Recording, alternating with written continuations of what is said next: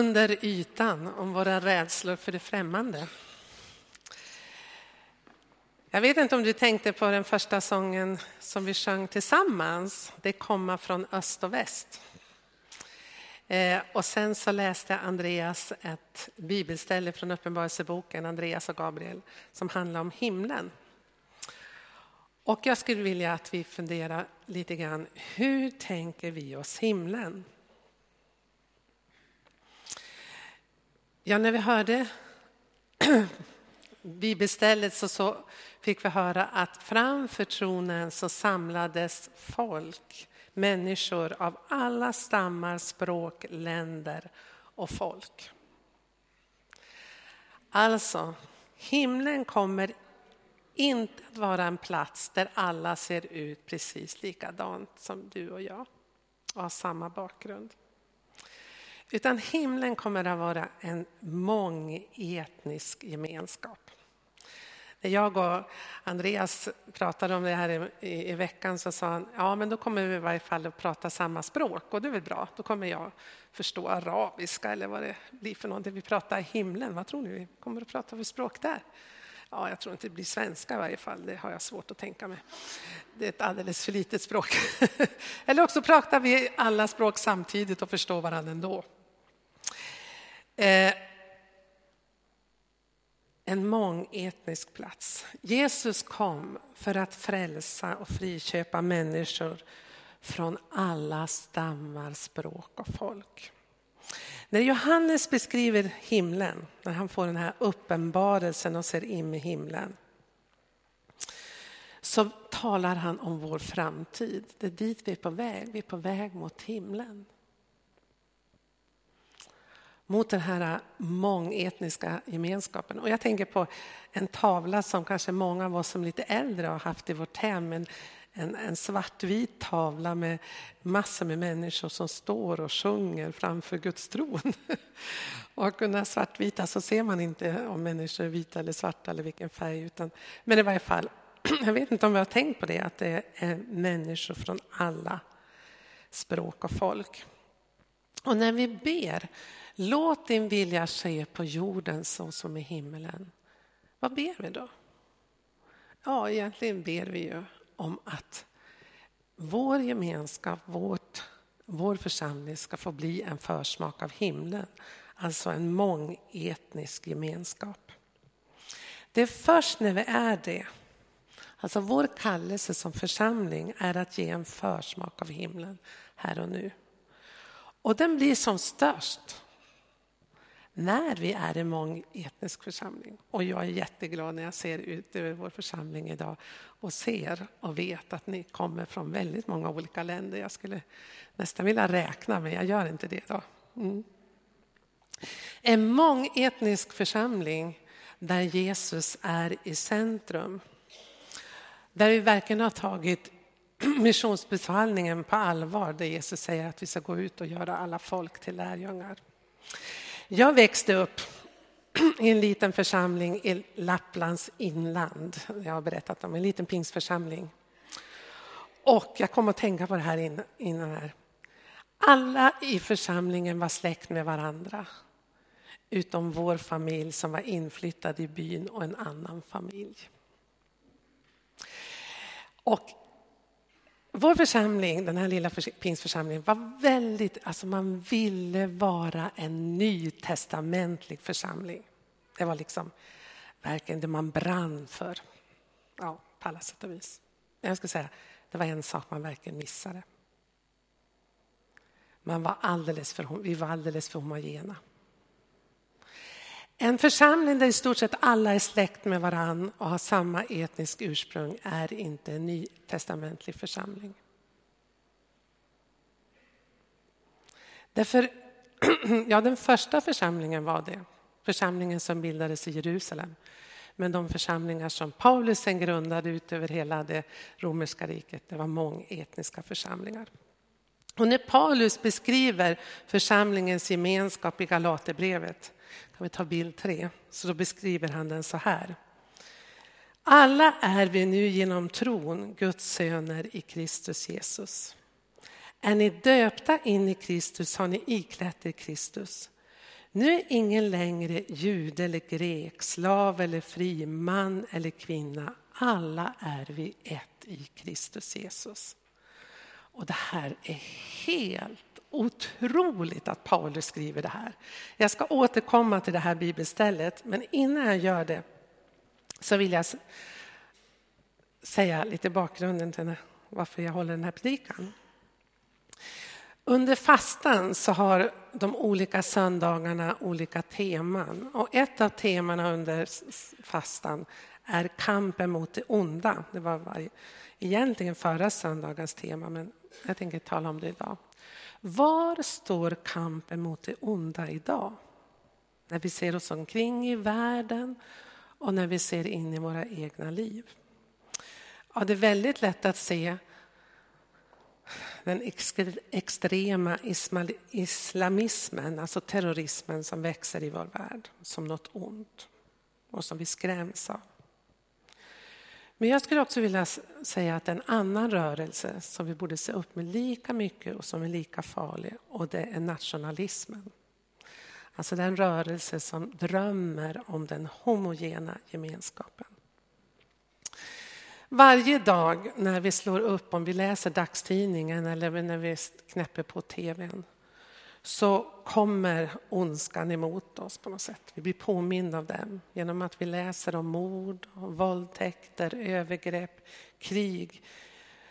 Krig inte i vårt land, men krig i andra länder. Men allt med övergrepp och våldtäkter och, och halshuggningar och korsfästelser. Ja, du ser så mycket fruktansvärda saker runt hela vår jord. Och inte minst drabbas kvinnor och barn.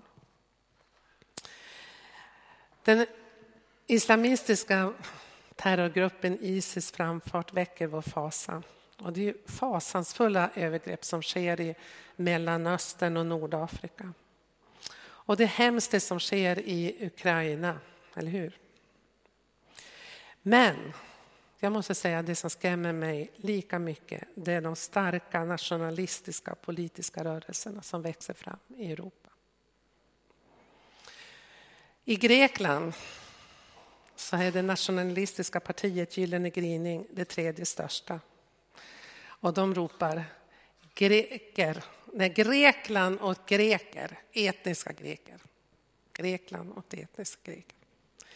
I Frankrike har den nationella fronten som leds av Marie Le Pen och jag läste i fredagens Svenska Dagbladet att hon siktar på att bli president. Och det är inte helt omöjligt för de är också det tredje största partiet i sitt land. I Sverige har vi också ett nationalistiskt parti som är det tredje största partiet i riksdagen i Sverige. Fruktansvärt. Och i Ryssland så växer nationalismen sig väldigt stark. Jag vet inte om några av er såg programserien Fosterland som gick för en tid sedan. Ett otroligt skrämmande program som just handlar om de nationalistiska rörelserna som växer fram i Europa. I det programmet så gjorde eh, programledaren intervju med en borgmästare i en stad i Frankrike som just tillhörde som var företrädare för det nationalistiska partiet i Frankrike. Och i den intervjun så säger han att hans största förebild som ledare var eller är, kan ni gissa vem? Vladimir, Vladimir Putin i Ryssland. Han som sitter i Frankrike vill se en stark ledare. Och sen berättade programledaren, han åkte till Ryssland och intervjuade nationalister där och säger att i Ryssland har man väldigt starka tankar på att Ryssland och den nationalistiska rörelsen ska växa sig stark över hela Europa. Man har kontakt med alla de, ryska, de olika nationalistiska ledarna i de olika länderna. Alltså kombinationen nationalism. Nationalismen handlar ju om att man vill värna sitt eget land och sin egen etniska grupp. Och man motarbetar all form av mångkulturella gemenskaper. Man tror inte på det. Nationalismen leder ofta till rasism, antisemitism och som vi ser som väldigt tydligt kommer fram i det här programmet och som om vi studerade, ett rop efter en stark ledare. Det som komplicerar till det lite grann det är det att samtidigt så framhåller man de här traditionella värdena. Man tror på äktenskapet, man tror på familjen eh, och så vidare. Och man samarbetar med de nationella kyrkorna. Som i Grekland och i Ryssland så är nationalismen så här förenade. I Sverige så, så kan vi se hur det nationalistiska partiet väldigt lyfter fram Svenska kyrkan men kanske inte budskapet om Jesus Kristus utan mer Svenska kyrkan som ett svensk kulturbärare. Jag tycker att det är helt förfärligt att det nationalistiska partiet i Sverige fick 13 procent av svenskarnas röster. Det var många sekulariserade svenskar som röstade på SD.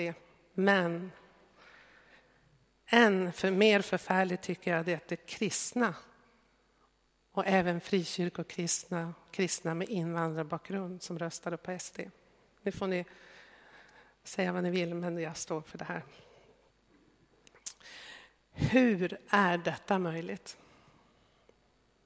Om man går in på deras hemsida så står det att de är ett socialkonservativt parti med nationalistisk grundsyn. Och det innebär att man drömmer om ett land med en homogen befolkning. Och gärna ja, svensk. Man drömmer sig tillbaka till, som jag upplever, till 50-talet. Jag drömmer mig inte tillbaka till lilla Husbondliden och min lilla pingsförsamling där vi alla var släkt med varandra utom som sagt var vår familj och en familj till. Utan jag tycker att det är helt fantastiskt att få vara pastor här hos er idag. Nu, nu kan jag nästan börja gråta. Där jag ser att vi är här med människor från många olika etniska grupper. Därför att vi, nu, nu ska jag inte säga det, vi är en nytestamentlig församling.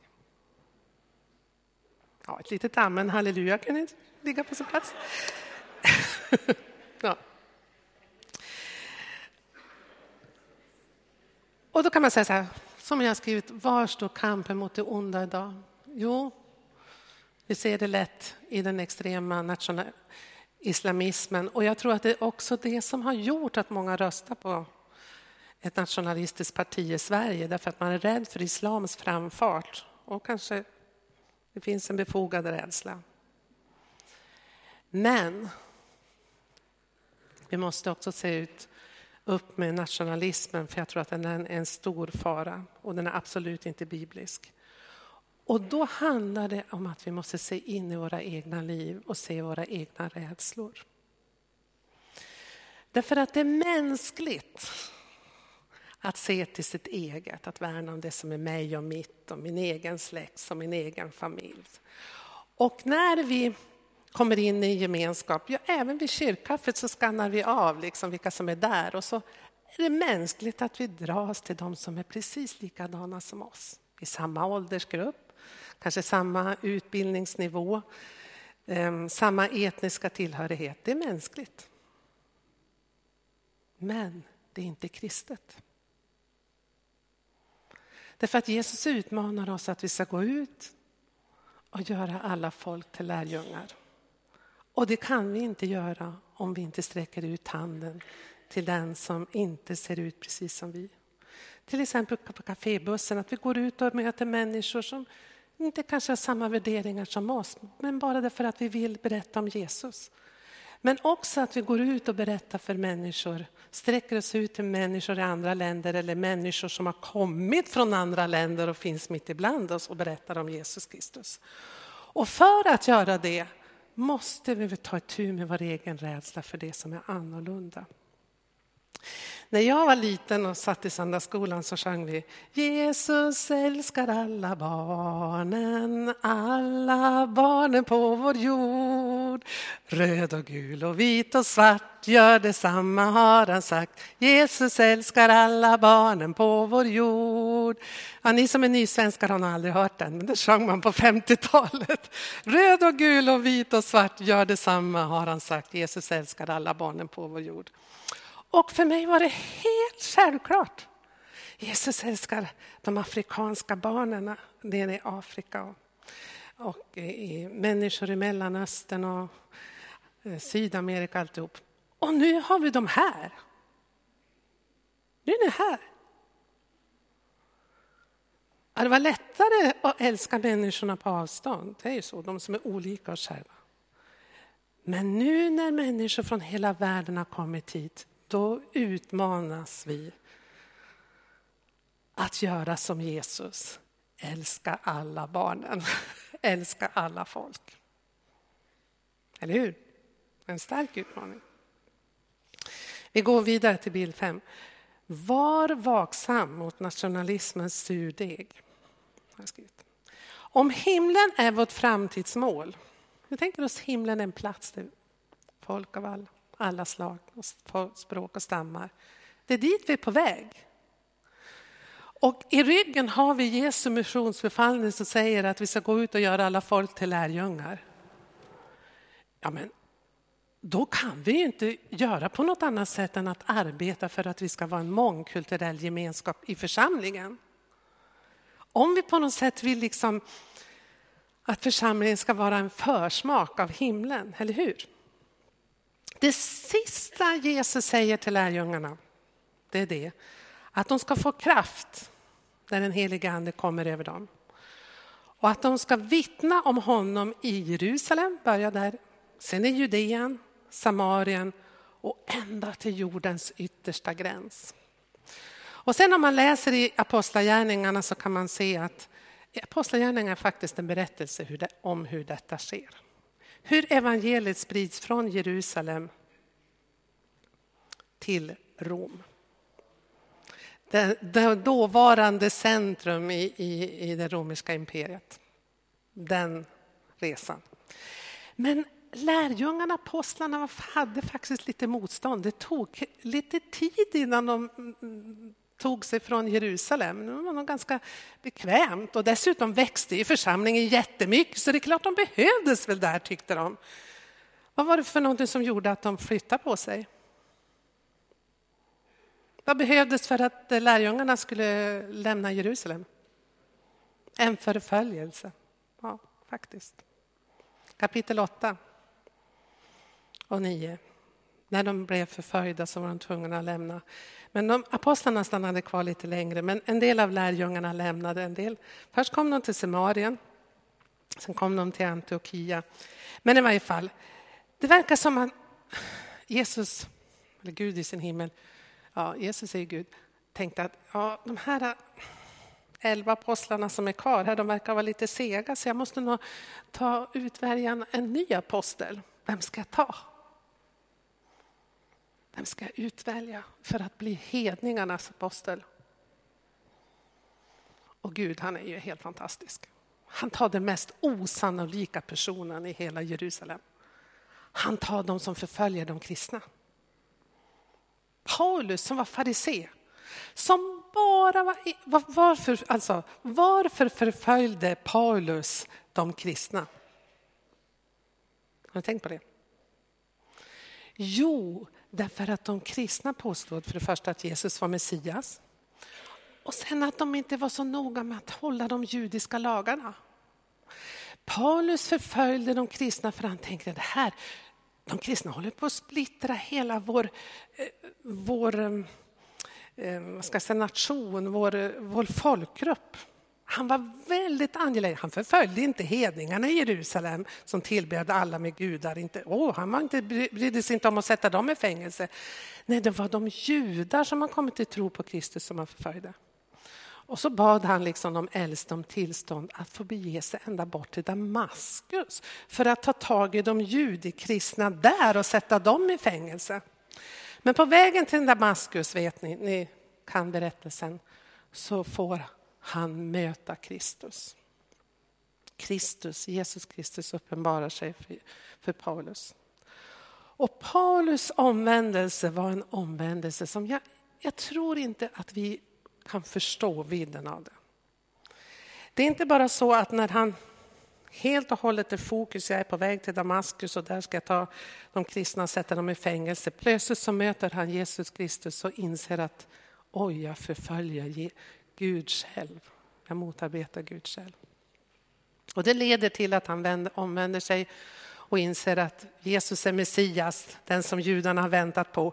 Men inte bara det, han inser också att Jesus inte bara är judarnas Messias utan hela världens frälsare och Messias. Förstår ni, det här, från det här lilla vi, judarna, det utvalda folket, så plötsligt så inser han att men Gud har ju sänt sin son till hela världens frälsning. Han börjar predika i Damaskus. Hur slutar det? Ja, förföljelse av judarna som faktiskt... Så han måste fly till Jerusalem, så predikar han där. Och samma sak där, han måste fly från Jerusalem därför att judarna förföljer honom. De som har varit på samma sida som honom tidigare förföljer honom. Nu är inte det här en antisemitisk eh, predikan, utan det är bara vad Bibeln säger. I varje fall i 14 år så är han i, i Tarsus. Men sen i Antiochia så händer det något fantastiskt.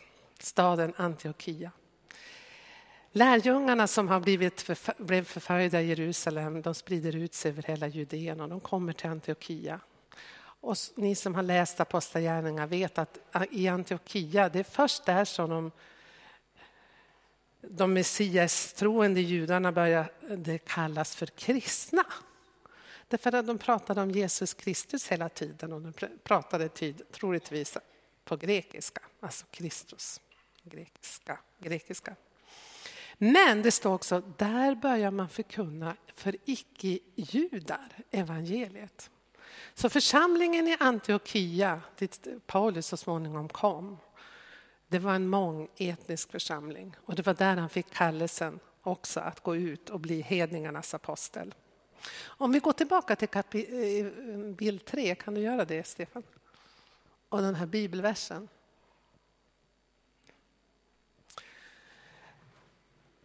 Galaterbrevet, för att förstå det, så är det så att ni som har läst Apostlagärningarna ser att Paulus får kallelsen att åka ut som missionär. Och den första han åker till det är Cypern och sen så åker han till Galatien alltså det, och bildar församlingen, församlingar i nuvarande Turkiet.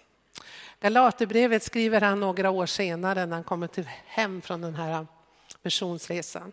Och Galaterbrevet är en stridsskrift. Han går till rätta med en viss grupp. Han går till rätta med vad teologerna kallar judaisterna. Alltså det var judar som har kommit till tro på Jesus Kristus och troligtvis hade en fariseisk, alltså var fariseer precis som Paulus, men som höll fast vid att om man skulle bli en verkligen god kristen så var man tvungen att omskära sig om man var man och man var tvungen att hålla den judiska lagen. Så hela Galaterbrevet är egentligen en enda stor skrift, en försvarsskrift där Paulus säger att ni måste hålla fast vid att det är bara genom tron på Jesus Kristus som vi blir frälsta. Och mitt i all den här så skriver han denna vers, han beskriver vad församlingen är. Det finns inga gränser längre, utan här är vi i Jesus Kristus är vi alla ett. Både judar och hedningar, slavar och fri man eller kvinna, det spelar ingen roll. Och då ska vi tänka att Paulus ända, det här har jag sagt många gånger, men Paulus ända sedan det han tonåring, kanske ända sedan han var barn, har han tackat Gud varje morgon för att han var född inte som hedning och att han var född till man och inte som kvinna. Varje morgon har han tackat Gud för det. Nu så säger han, det spelar ingen roll. Allt det där kan jag kasta på sophögen därför att vi är alla ett i Kristus. Eh, mm. Ja, just det. Jag kanske inte ska stiga ner med klacken där. Vad omsorgsfullt! Han sitter orolig. Ja, det vore ju förfärligt. Tack. Eh, Paulus är fullt övertygad om att det är bara genom Jesus Kristus vi kan nå frälsning och det är samma väg för judar, hedningar, män och kvinnor. Och det här är helt otroligt. Men för det här budskapet fick han uppleva, det faktiskt, han fick betala ett högt pris. Jag tror inte vi riktigt förstår det. Alltså motståndet som Paulus upplevde, det var från hans gamla trosfränder som han säger. Alltså de som höll fast vid den judiska lagen. Det var de som förföljde honom. Och det var faktiskt de som såg till att han blev fasttagen och fängslad i Jerusalem. Och det var de som ville döda honom på fångtransporten till, ner till Caesarea. Sen blev det ju till slut eh, i Rom som han blev dödad med ett svärd. Eh, romarna dödade honom. Men allt var liksom det här motståndet därför att man kunde inte tänka sig liksom ett, att Messias eller ett, ett budskap om ett, en, en, en, ett budskap där det handlar om att hela världens frälsning och ändå så är ju Gamla Testamentet också talar om att, att Israels folk ska bli en välsignelse för alla folk. Eller hur? Är ni med? Vart det svårt? Jag hoppas att ni fastnar för något. Vi ska gå till sista bilden. Vad är utmaningen för oss? Jo, vi ska fortsätta och sträva efter att bygga en mångetnisk församling som ett tecken på Guds rike, en försmak av himlen. Vi idag i Sverige lever i en kultur som är mycket, mycket mer lik den kultur som Paulus levde i när han åkte ut och kom till Aten och Korint och Efesus och Rom. Därför att det var mångkulturella och mångetniska städer. Det var inte homogena små samhällen, svenska samhällen som jag och flera av er är uppvuxen i. Den helige ande är gemenskapens ande. Och jag säger så att en mångetnisk och mångkulturell gemenskap, den är inte lika självklar och naturlig som när man ser människor som som umgås som har samma intresse, till exempel i en golfklubb eller eh, en viss samhällsklass träffas eller eh, en viss åldersgrupp eller en viss, eh, ja, vad ska man säga, civilingenjörer har en klubb eller ni förstår, eller hundföreningen eller något sånt där. Ja, de kan man ju visserligen vara mångetnisk i en hundklubb, det tror jag. Men i varje fall, vad är det för någonting som förenar oss i vår församling? Ja, det är ju inte att vi ser likadana ut. Inte ens att vi tycker och tänker exakt likadant om allting. Och vi har inte samma bakgrund och vi har kanske inte samma intressen och inte samma musiksmak, för alla tycker inte om Melodifestivalen. Eh, gospel tycker alla. Ja, jag är inte säker. Är du säker på det? Nej, jo, gospel, I vid bemärkelse. Visst tycker alla om gospel. Nej, men alltså, vad är det för någonting som förenar oss? Tron på Jesus Kristus, han har dött och uppstått för vår skull. Om vi håller fast vid det här, det som förenar oss, trots våra olikheter, så är det ett enormt vittnesbörd om kraften i evangeliet. Att vi kan hålla sams trots våra olikheter. Olika smak, och klädstilar och musiksmak och kulturell bakgrund. Mm. Och låt oss öva oss på att sträcka ut handen till de som inte har samma sociala bakgrund, utbildningsnivå eller etniska bakgrund. Och här är Paulus en helt outstanding förebild. Jag måste läsa där han skriver i första Korinthierbrevet 9 och 19 så här. Fri och oberoende av alla har jag alltså gjort mig till alla slav för att vinna så många som möjligt. Och lyssna. För att vinna judar har jag för dem varit en jude. För att vinna dem som står under lagen har jag för dem varit som en som står under lagen. Fast jag själv inte står under lagen. För att vinna dem som är utan lag, alltså hedningar, icke-judar, har jag för dem varit som en som är utan lag, fast jag inte är utan Guds lag, jag har ju Kristi lag. För att vinna de svaga har jag inför dem varit svag. Allt har jag varit inför alla för att åtminstone kunna rädda någon.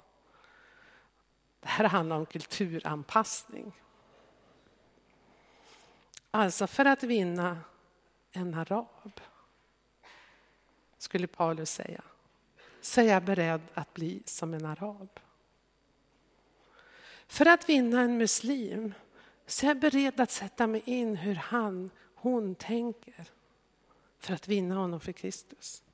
För att vinna en sekulariserad svensk, en svartrockare som jag pratade om här dagen. Så är jag beredd att ta på mig svarta kläder och ja, jag har en som jag känner, Marcus Olsson, som han har gjort. Mm. Och gå ut och lära mig tycka om deras musik. Jag tror att vi behöver kliva ur vår bekvämlighetszon. Och då måste vi två saker. För det första bearbeta våra rädslor för det som är annorlunda. Vi bär alla på rädslor för det annorlunda. Och vår medfödda instinkt att alltid söka oss till dem som är lika oss själva, tycker och tänker som oss. Istället att öva upp vår nyfikenhet på det som är annorlunda än oss själva. Alltså, när jag bodde i Umeå och var pastor, nu får vi gå tillbaka 25 år i tiden, då gick jag en, en kurs i, i, på komvux och, och där i klassen så fanns det en, en ung kvinna från Israel, en judinna. Och jag tänkte, vad tänkte jag? Wow, henne ska jag lära känna.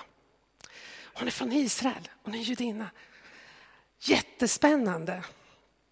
Vi har fortfarande kontakt. Nu har hon vuxna barn och hennes man är meteorolog. Visas i tv. Varenda gång jag ser Nitzan så klappar mitt hjärta för jag var ju med när han födde. Inte på BB, men sen. Ja, i varje fall. Vad var det för något som drev mig? Jo, det var nyfikenheten. För jag tänkte, oj vad spännande att lära känna en människa med en helt annan bakgrund än jag. Född i Argentina. Morföräldrar från Polen. Och, och, menar, hon hade ju massor med olika eh, bak, etniska bakgrunder och uppvuxen i Israel. Jag tror att vi behöver öva upp det här, tänka. Och jag har tänkt det så många gånger också när jag möter svenskar som har en helt annan bakgrund än mig. Ja, men vad spännande att träffa någon som är uppvuxen i, på Östermalm, i fina, fina Östermalm och prata ett helt annat språk. Det kan vara jättespännande. Väldigt annorlunda kultur än jag som kommer från lilla ja, Husboliden, lite bonnigt sådär. Ja, men i alla fall. Nu har jag pratat länge. Jag hoppas du förstår. Det här är vår utmaning.